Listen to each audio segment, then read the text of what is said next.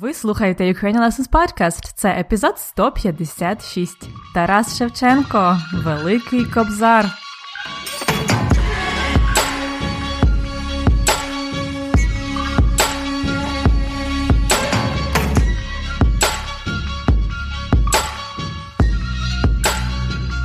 Привіт! Це Анна Огойко, і ви слухаєте подкаст Уроки української. Це четвертий сезон. Цей подкаст призначений для іноземців, які вивчають українську мову. Тому я і говорю тут е, досить повільно і чітко. Перепрошую, що минулого разу не було епізоду. Зараз я дуже зайнята з іншим моїм проєктом, де я розробляю матеріали для українських старшокласників. Вони готуються до важливого екзамену, до ЗНО зовнішнього незалежного оцінювання з української мови та літератури.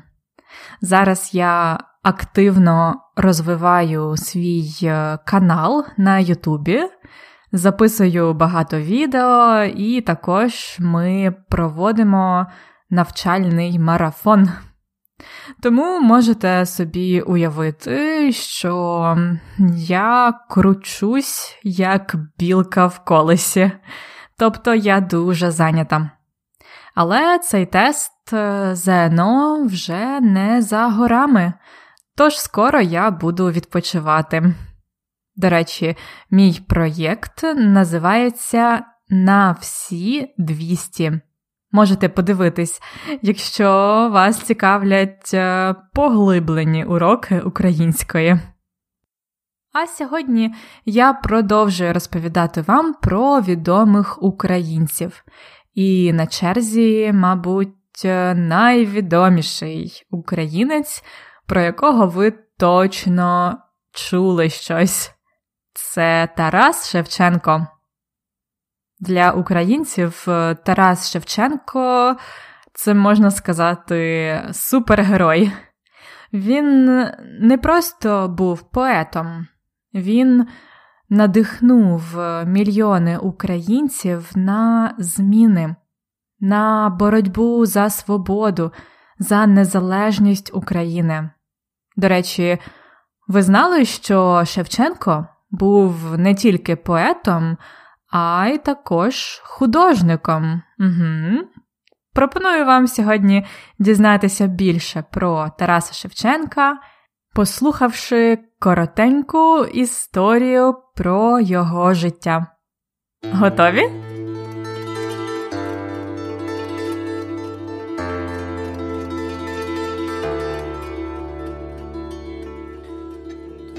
Тарас Шевченко Великий Кобзар. Тарас Григорович Шевченко народився 9 березня 1814 року у невеличкому селі Моринці, яке зараз знаходиться в Черкаській області. Батько Тараса Григорій був простим кріпаком. Можливо, ви пам'ятаєте з попередніх епізодів про кріпаків. Кріпаки це були невільні люди, можна сказати, раби. Кріпаки народжувались без свободи. Вони повинні були працювати на свого пана або поміщика. Кріпаками були переважно селяни, тобто люди, які жили в селі і займались сільським господарством. Так от е, Шевченко народився в кріпацькій сім'ї, в сім'ї кріпаків, а отже, він і сам був кріпаком. У підлітковому віці він працював на поміщика Енгельгарта. Цей чоловік, е, Енгельгард, побачив, е, як Шевченко гарно малює і тому вирішив е, спробувати заробити на малюнках Шевченка. Тому пан Енгельгард організував для Шевченка навчання живопису. Живопис це, можна сказати, професійне малювання. Українською мовою малювання це більше коли діти щось малюють, або хтось е, малює несерйозно. А от живопис це мистецтво і професійна діяльність. Отже, Шевченко почав навчатися живопису, і згодом Енгельгард влаштував його на навчання і роботу в Петербург.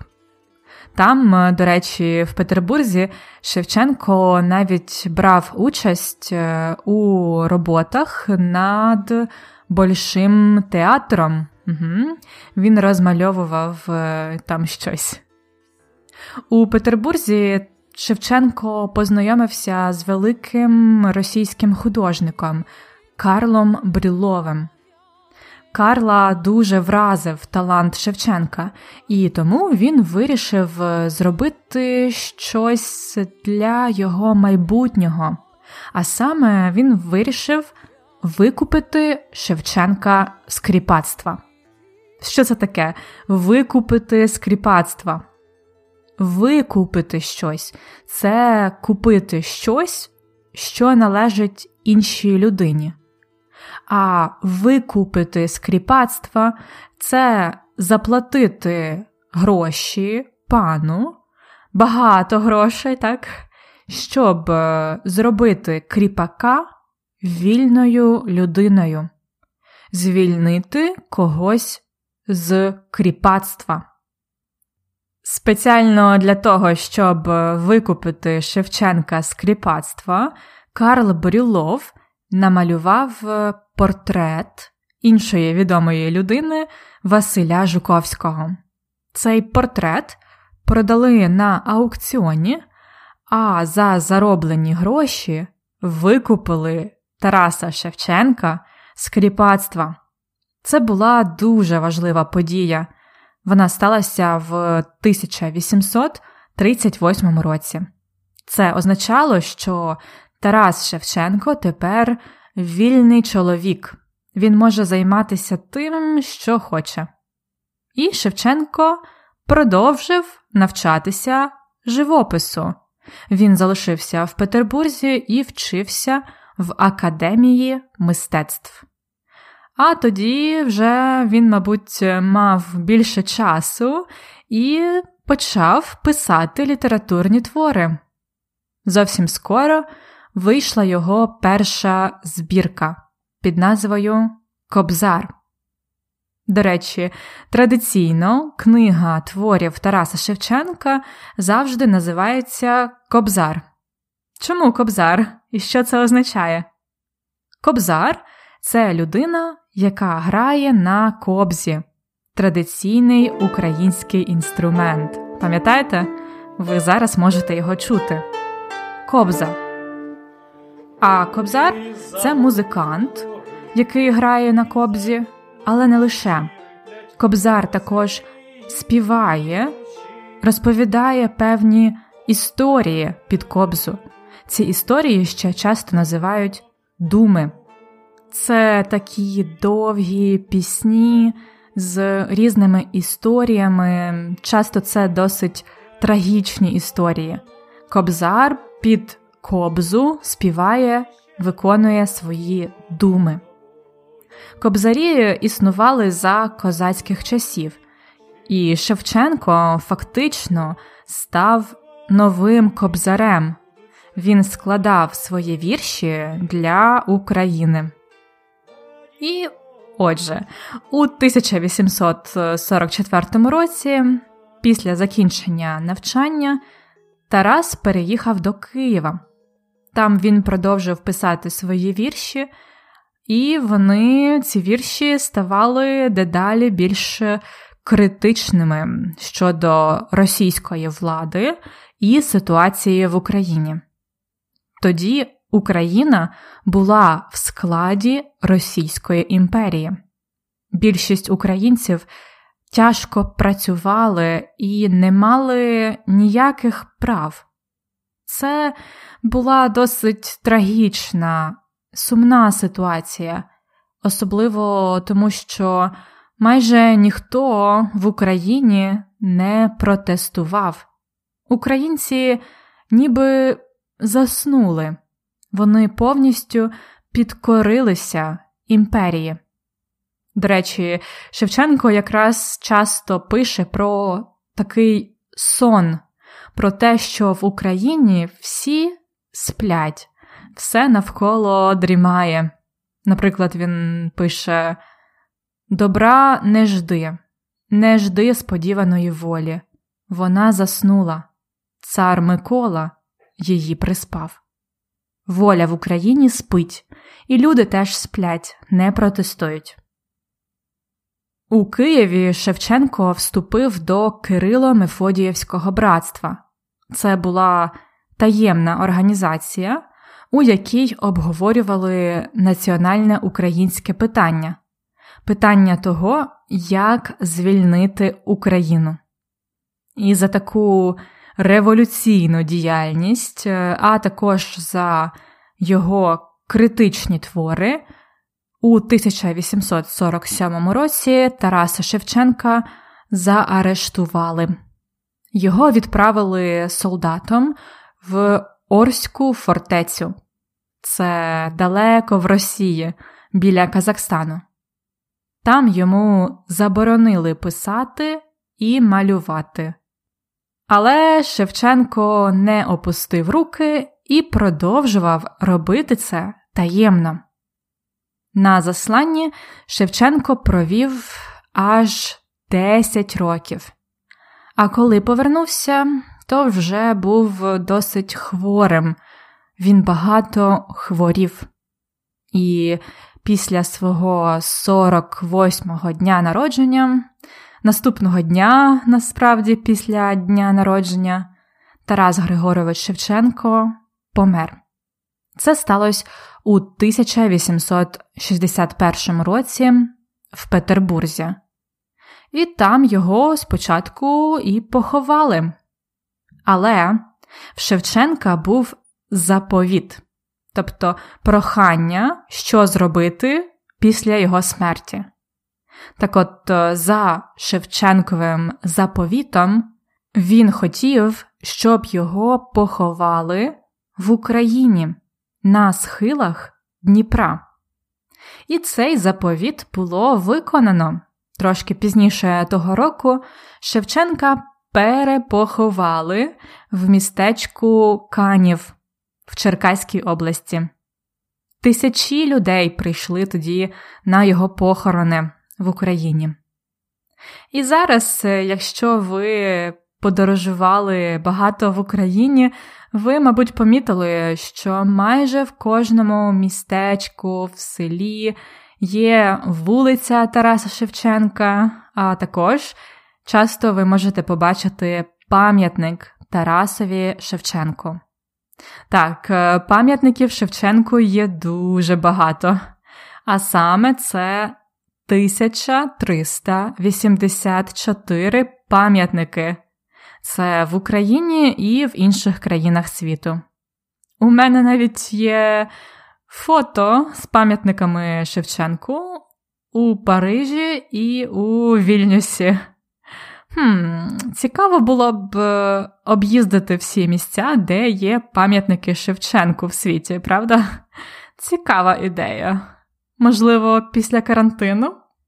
А ще хочу згадати вплив Тараса Шевченка на українську мову. Річ у тім, що в ті часи вже були письменники та поети, які писали українською, але вони робили це досить обмежено. На прості теми, такі як е, про любов або якісь комічні ситуації. Натомість у своїх віршах і поемах Шевченко порушував серйозніші питання, важливіші питання. Це питання справедливості, прав людини, української нації. Шевченко критикував як російську владу, так і самих українців за те, що вони нічого не роблять е, заради свободи. Він вживав іронію, сарказм, сатиру. Це вже була українська мова на новому рівні, те, що ми називаємо нова українська літературна мова. Фактично, саме мова творів Шевченка це та українська мова, яку ми використовуємо зараз. Крім того, з Шевченка ми знаємо і використовуємо багато крилатих виразів. Пам'ятаєте з попереднього епізоду, що це таке? Крилаті вирази або афоризми.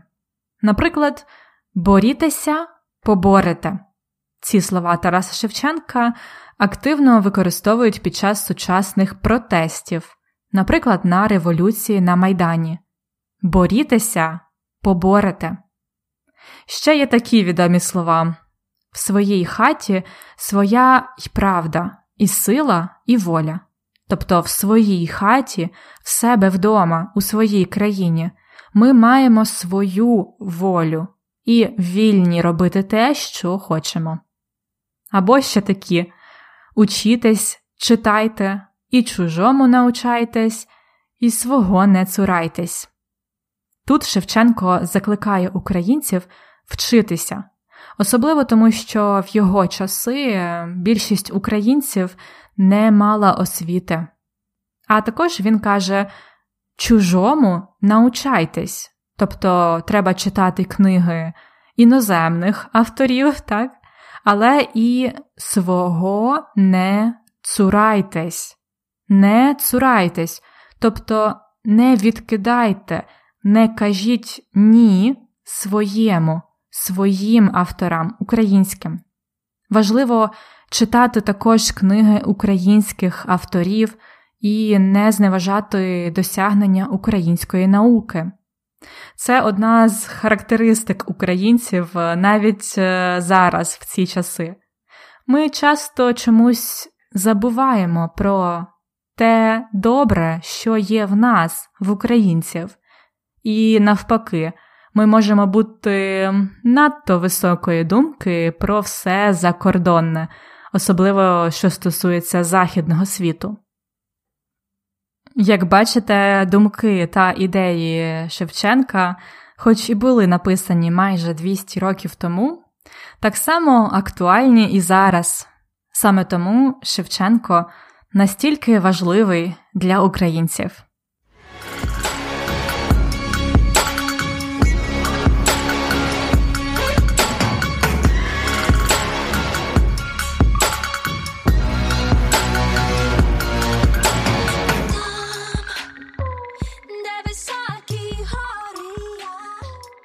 А зараз, як завжди, пропоную вам кілька ідіом та фразологізмів, які я сьогодні використовувала. На початку епізоду я сказала, що зараз я дуже зайнята. Я кручусь, як білка в колесі, крутитися, як білка в колесі, або просто як білка в колесі. Це означає бути дуже зайнятим, мати багато справ. Англійською кажуть так е, зайнятий, як бджола, так, busy as. А українською як білка. Зазвичай батьки, в яких нещодавно народилась дитинка, крутяться як білка в колесі. Вони дуже зайняті. Або ви можете сказати: Я весь день кручусь, як білка в колесі. Мені треба відпочити. Ходімо на пиво або на чай, крутитися, як білка в колесі. Отже, зараз я кручусь як білка в колесі, тому що я розробляю матеріали для підготовки до тесту ЗНО. Але цей тест е, ЗНО вже не за горами, тож скоро я буду відпочивати. Не за горами. Це означає дуже скоро. Залишилось небагато часу. Хм, Що в нас ще не за горами? Кінець четвертого сезону подкасту. Угу. Лишилось всього чотири епізоди. Не за горами. Далі про Тараса Шевченка. Його відправили на заслання і заборонили писати і малювати. Але Шевченко не опустив руки. Він продовжував робити це таємно, не опускати руки. Або, навпаки, опускати руки, опустити руки означає здаватися. Не опускай руки. Тобто не здавайся, тримайся, ти зможеш. Важливо не опускати руки, навіть якщо дуже важко. Опускати або опустити руки. У своїх творах Тарас Шевченко порушував е, серйозні питання. Порушувати питання це означає торкатись певних тем, говорити на певні теми. Тут питання це не обов'язково запитання, як, наприклад, е, як справи, так? Слово питання також може означати тема або проблема. Наприклад, у четвертому сезоні подкасту я порушую різні питання української культури та історії, або я торкаюсь тем української культури та історії, порушувати або порушити питання. Також у своїх творах Тарас Шевченко вживав іронію, сарказм, сатиру. Це вже була українська мова на новому рівні. На новому рівні. Так само і англійською. Це означає стати набагато кращим, вийти на новий рівень. Це суттєво покращитись. Я б дуже хотіла, щоб наступного року проєкт Ukrainian Lessons вийшов на новий рівень. У вас є ідеї, як це зробити? Вийти на новий рівень. І на сам кінець я сказала, що українці часто надто високої думки про все закордонне. Бути надто високої думки або бути високої думки це думати про щось занадто добре, перебільшувати важливість чогось.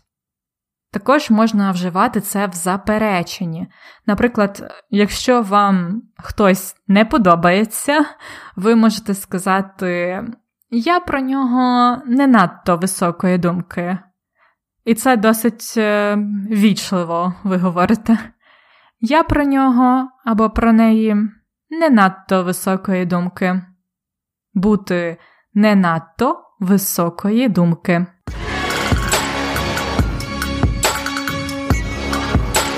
Цікавинка з граматики Тарас Григорович Шевченко.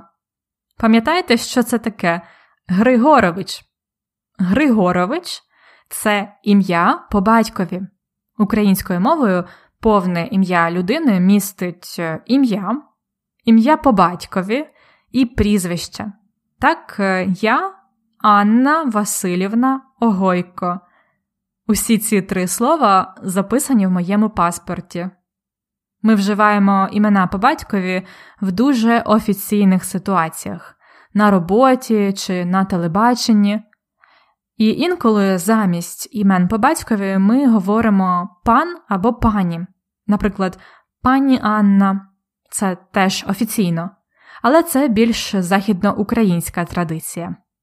Сьогодні пропоную вам нагадати, як утворювати імена по батькові. Це просто. Для чоловіків додаємо до імені батька закінчення ович, наприклад, Олег, Олегович, Олексій, Олексійович, Віктор, Вікторович. А для жінок додаємо Івна теж до імені батька. Мій тато Василь, тому я Васильівна, Олег, Олегівна, Олексій, Олексіївна, Ївна. Але є буквально кілька імен по батькові, які не зовсім підлягають правилам. Це якраз Григорович, тому що Григорович е, походить від імені Григорій, але ми не говоримо Григорійович. Ми кажемо просто Григорович Григорівна. Тарас Григорович Шевченко. І ще одне особливе ім'я по батькові Миколайович і Миколаївна. Ім'я чоловіка Микола. Але ми не говоримо Миколович, Миколівна, ми кажемо Миколайович, Миколаївна. Це набагато типовіше. Моя мама, наприклад, Тетяна Миколаївна. Як завжди, таблицю з цими правилами і вправи для практики ви можете знайти в конспекті уроку. А на сьогодні все. Якщо у вас зараз весна, сподіваюся, що у вас там гарна погода і хороший настрій, і що коронавірус не змінив ваше життя на гірше. Наступного разу поговоримо про ще одного відомого українця або українку. Хто це буде? Побачимо! А я нагадаю, що для тих, хто підписаний на преміум, доступні додаткові матеріали до цих епізодів: це конспекти уроків з вправами та картки для запам'ятовування ідіом. Більше про преміум дізнавайтеся за посиланням ukrainianlessons.com риска епізод 156 ukrainianlessons.com slash episode 156 Всього найкращого! Не хворійте, добре? До побачення!